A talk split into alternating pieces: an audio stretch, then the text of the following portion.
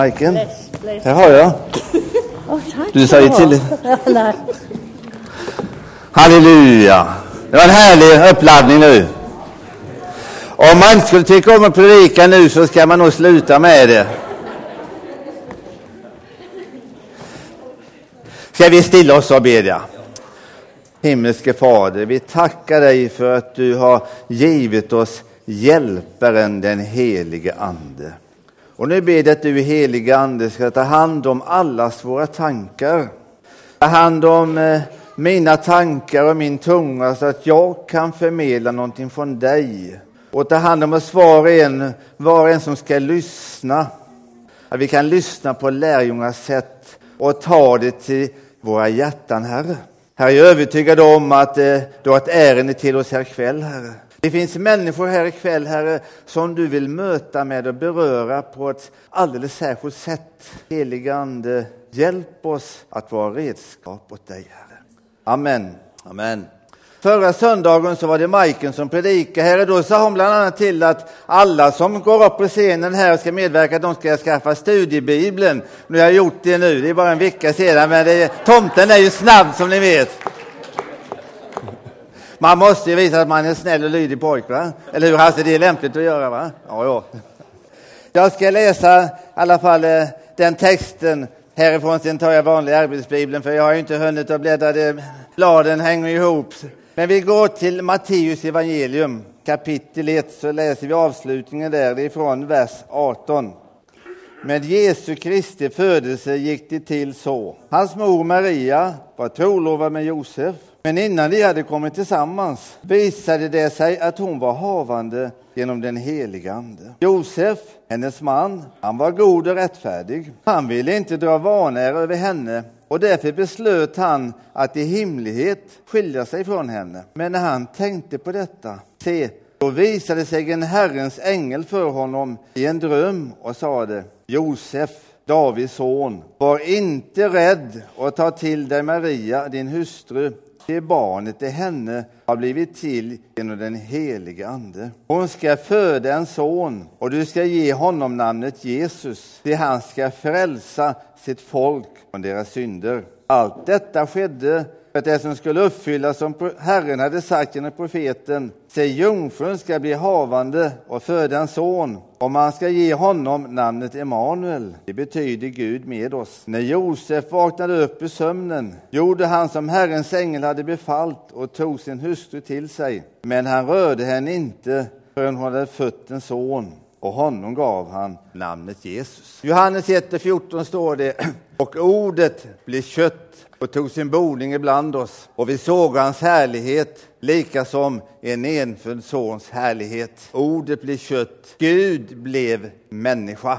Det är ju detta som är det stora och viktiga budskapet i julhögtiden. Gud blev människa. Och då kan vi ju ställa oss frågan, varför i all sin dag blev Gud människa? Hade han inte det bra där hemma i himmelen? Jo, det hade han säkert. Men han hade ett ärende hit till jorden, till oss människor.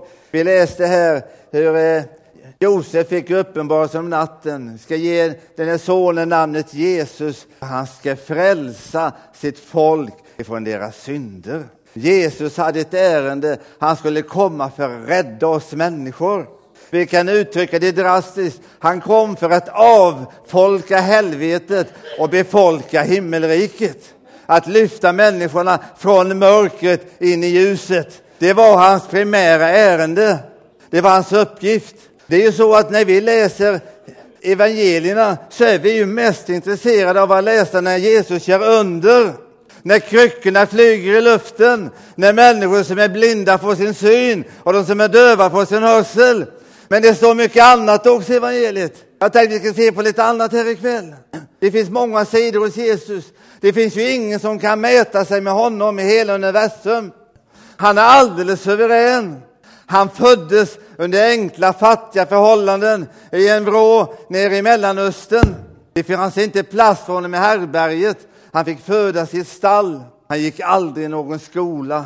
Men redan vid tolv års ålder så imponerade han de lärde i Jerusalem över sin kunskap. Han hade ingen läkarutbildning. De lama sprang och de blinda fick sin syn.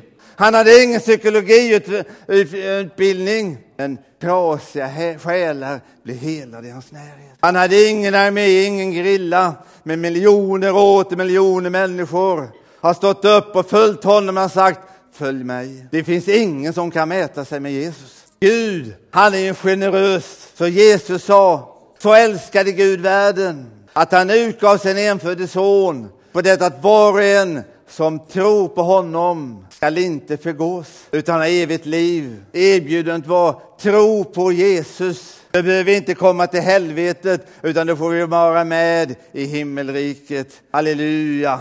Apostlarna, de första apostlarna, de hade samma budskap. När Paulus och Silas satt i fängelse i Filippi och fångvaktaren frågade bröder, vad ska jag göra för att bli räddad? Så säger de lugnt och stilla, tro på Herre Jesus så blir du med ditt hus frälst. Och han tog emot Jesus och det blev frälsning, det blev dopförrättning och det blev fest. Guds erbjudande till oss, det är tro på Jesus, Då får vi evigt liv. Halleluja.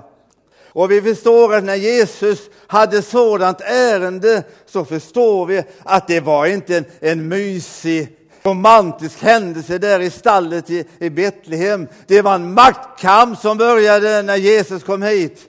Om vi läser några verser till, vi går i andra kapitlet där i Matteus 2, så, vers 3, så står det att när de vise männen kom till Jerusalem och frågade var den nyfödde judakonungen fanns någonstans, så stod det Herodes och hela Jerusalem, de blev förskräckta. De började bäva.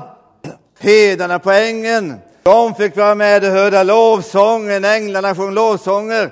Men mörkrets makter, de bävade. För de förstod att vi är i fara.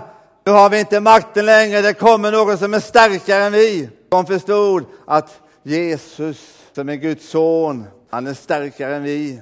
Och tyvärr är det så att vi människor, vi hamnar ju också ofta in i den här maktkampen mellan det goda och det onda. Och många människor idag utsätts för svår, stora prövningar på olika sätt. Men det som Gud vill visa oss på här ikväll, det är det att vi har en som har prövat på allt som vi möter. Vi har en som har gått före oss. Hans namn är Jesus. Vi ska läsa några verser först ifrån Hebreerbrevet.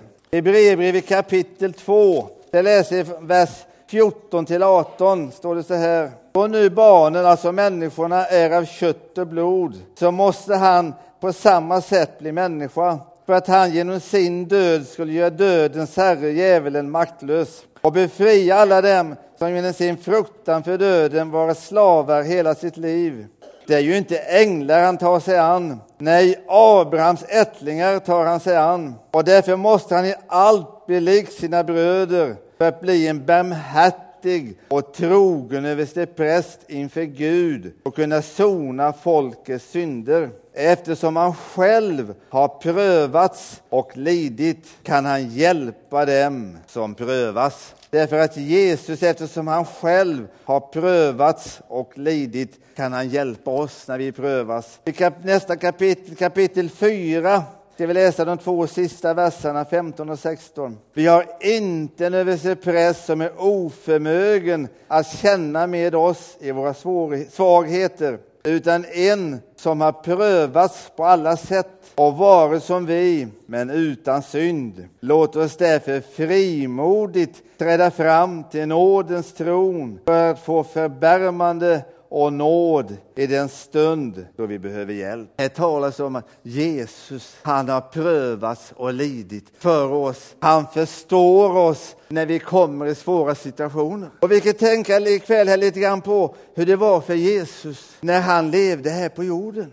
Han blir ju ofta missförstådd. Redan när han vid 12 års ålder var i templet med sina föräldrar till templet i Jerusalem så blev det så att Jesus, han, han förstod ju, visste ju att han var Messias. Och då var det ju viktigt att han lärde sig vad profetiorna sade om honom så att det var naturligt för honom att gå till templet och få samtala med de överste prästerna, de skriftlärda där. Men föräldrarna förstod inte det, de började gå hemåt och när de märkte att inte pojken var med, med dem så gick de tillbaka igen. Efter några dagar hittade de honom där. Och då tillrättavisade de honom nästan. Vi ska läsa Lukas 2.48 borde det vara. Föräldrarna blev bestörta när de såg honom och hans mor sa till honom Barn, hur kunde du göra så mot oss? Din far och jag har letat efter dig och varit mycket oroliga. Han svarade varför skulle ni leta efter mig? Visste ni inte att jag måste vara hos min fader? Men de förstod inte vad han menade med sina ord. Jesus blev van redan från, från barn, så blev han van vid det. Människor förstod inte honom alltid. Inte hans egna föräldrar förstod inte att han behövde få vara där i templet tillsammans med sin fader. Och eh, hans syskon, hans bröder och systrar förstod honom inte heller. Vi kan läsa i Johannes kapitel 7 och vers 5. Så står det, inte, hans bröder trodde inte heller på honom. Det var många andra som inte förstod honom, trodde på, men inte ens bröder, hans egen familj, de trodde inte på honom heller. Och vi ska se i Markus 3 det bli riktigt illa för honom. Markus 3 från vers 20, läs vers 20 och 21. När Jesus kom hem samlades folket på nytt så att han och lärjungarna inte ens kom åt att äta. Hans anhöriga fick höra det och gav sig iväg för att ta hand om honom. De menade att han var från sina sinnen. Tänka sig Jesus fick uppleva hans mor och hans bröder. De kom för att ta hand om honom, för de menade att han var från sina sinnen. Tänk vilken smärta. Ens egen mor, det är väl den sista som man vill att ska missförstå en. Det är väl ofta så att modern är den som står allra närmast oss. Det brukar ju vara modern som förstår sina barn på ett alldeles särskilt sätt. Men det fick Jesus uppleva. Inte ens min egen familj, inte ens min mor förstår mig. Och läser vi vidare vers 31. Nu kom hans mor och hans bröder. De stannade utanför och skickade bud efter honom. Det var så mycket folk som kunde inte komma in som sände bud efter honom. Det satt mycket folk omkring honom och de sa din mor och dina bröder är här utanför och söker dig. Men Jesus svarade, vem är min mor och mina bröder? Han såg på dem som satt runt omkring honom och sa, det här är min mor och mina bröder. Den som gör Guds vilja är min bror och syster och mor. Jesus gick inte ut för att möta, prata med sina anhöriga. Jag förstår honom mycket väl. Han blev så djupt sårad så han kunde inte gå ut till dem. Det andliga ledarskapet, de förstod honom totalt. I vers 22 så stod det så här. De skriftlärda som hade kommit ner från Jerusalem sa att han var besatt av Belsebul och att det var med demonernas furste som han drev ut demonerna. Det andliga ledarskapet, de kunde, kunde skrifterna. Herodes frågade dem, var ska Messias födas? Ja, det visste de mycket väl. Det stod i Mikas bok att det ska hända i, i Betlehem. De kunde skrifterna. Men det räcker inte med att vara skriftlärd. För att vi ska kunna tjäna Gud så måste vi ha Andens frukt också i våra liv. Andens frukt som i första hand är kärleken. Vi kan vara hur bibelsprängda som helst. Det hjälper inte om jag kan Bibeln utan till om inte Guds ande får fylla mig med Guds kärlek. För det är ingenting värd, säger Paulus. Det räcker inte med kunskap vi måste också ha den heliga Ande och kärleken som är Andens frukt.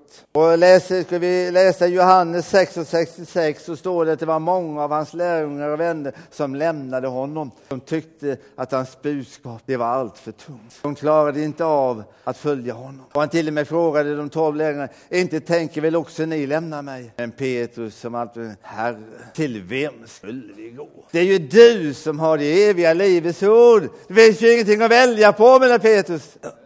Vi har ju ingenting bättre än dig. Och när Jesus var i Getsemane sista kvällen och blev tillfångatagen där. Blev han övergiven, alla lärjungarna vänner. De försvann. De vände honom ryggen, blev rädda och sprang. När han som bäst behövde dem, då blev han ensam. Han vet vad det är att uppleva besvikelse av vänner. Han har upplevt det. Vi kan få möta det ibland, men Jesus har fått göra det för oss. Han blev orättvist dömd till döden. Han hade inte gjort något ont, men ändå så lyckades de döma honom till döden. Han blev verkligen förföljd för sin tro kan vi säga. Idag är det miljoner och åter miljoner människor över vår jord som får uppleva förföljelse därför att de tror på Jesus. Och vi ska vara övertygade om att Jesus som har mött samma sak, han förstår det. Han kan trösta dem, han kan styrka dem därför att han vet vad det är de går igenom. som avslut avslutning vill jag säga att med, med all denna livserfarenhet som Jesus har, det gör att han förstår dig och han känner med dig mitt i dina prövningar. Jag är övertygad om att det finns människor här ikväll som upplever svåra prövningar. Någon kanske har varit flykting. Jesus, han fick pröva på det redan som barn. Så fick han, Josef stå upp om natten, står det och tar Maria och barnet med sig och flyr till Egypten. Jesus vet vad det är att vara flykting. Idag har vi väl fler flyktingar på vår jord än vi har någonsin haft. Men det finns en som förstår det. Det är Jesus. Han har själv prövat på det. Det har aldrig funnits så många människor som får lida förföljelse för att de tror på Jesus och är kristna. Men Jesus har upplevt det allra djupaste. Han har fått dricka kalken, botten av kalken, av lidandeskalken. Han vet vad det är är. Och därför kan han hjälpa varje människa som vill komma till honom oberoende av vilken livssituation vi befinner oss i, vad vi än har fått möta på vår vandring, vilka sår vi än vi har i våra hjärtan, så vet vi att Jesus, han har varit där före mig och han är den som kan lägga sin hand på vårt hjärta och läka såren. Han kan upprätta oss har vi blivit förkastade av andra människor, missförstådda, så har vi en vän som heter Jesus som kan komma och upprätta oss. Han säger själv en gång att en profet blir inte mottagen och godkänd någon annanstans än i sin egen familj, sin egen släkt, i sin hemstad. Det vet många av erfarenhet att det alltid är svårast i den egna familjen, i den egna församlingen, den egna bygden. Det har människor svårt att tro på att just jag kan vara med och tjäna Gud. Du är väl ingenting, sa de. Vad är, är det Jesus, var har han fått all sin kunskap ifrån? Han är ju Josefs son bara. Vi känner ju hans systrar, vi känner hans bröder, de bor ju mitt ibland oss. De kunde inte förstå att Jesus var Guds son. Och så är det många Herrens tjänare som har fått uppleva att omgivningen förstår oss inte. Men det är gott att ikväll kan vi få komma till Jesus. Han är redo att upprätta oss. Vi ska stilla oss och bedja här. Och jag vill gärna ställa frågan, är det någon som upplever på något sätt att du har sår i ditt hjärta. Du har fått gå igenom prövningar, lidanden som du har svårt att orka med. Du sträcker upp din hand som ett tecken. Då ska vi bedja tillsammans. Jag tror att det finns människor här ikväll som Gud vill beröra. Han vill komma med sin helande och läkande kraft. Han säger, kom till mig alla ni som är tyngda av bördor, så ska jag ge er ro, säger han. Och han säger på ett annat ställe att den som kommer till mig ska jag inte visa bort. Han tar emot oss alla när vi kommer till honom. Han tvingar ingen att komma, men han ger oss ett erbjudande. Alla som vill får komma till honom. Han ser våra behov och han har makt och möjlighet och han vill beröra oss på de områden som vi har behov. Är det någon som upplever att du har behov ikväll får du gärna ge det till känna. Vi stillar oss och beder. Himmelske Fader, vi tackar dig att du älskar oss människor så mycket så du kunde inte se på när människorna led här på jorden, utan du sände din son hit för att uppsöka och frälsa det som var förlorat. Jesus, jag tackar dig för att du var villig att komma. Jag tackar dig för att du var villig att gå igenom allt som du gick igenom, Herre, när du vandrade på jorden. Du blir ofta missförstådd. Men Herre Jesus, jag tackar dig för att när du sitter på Faderns högra sida idag så ser du på oss människor här på jorden och du ser människor som lider idag. Du ser om det är någon som har sår i sitt hjärta ikväll. Det kan finnas människor här som upplever att de har blivit missförstådda på något sätt. Jesus, tack att du vill komma med din läkedom, Herre. Och du vill upprätta var igen, Herre, så vi kan uppleva, vi får dina barn, vi får gå i glädje och kraft tillsammans med dig, Herre. Amen.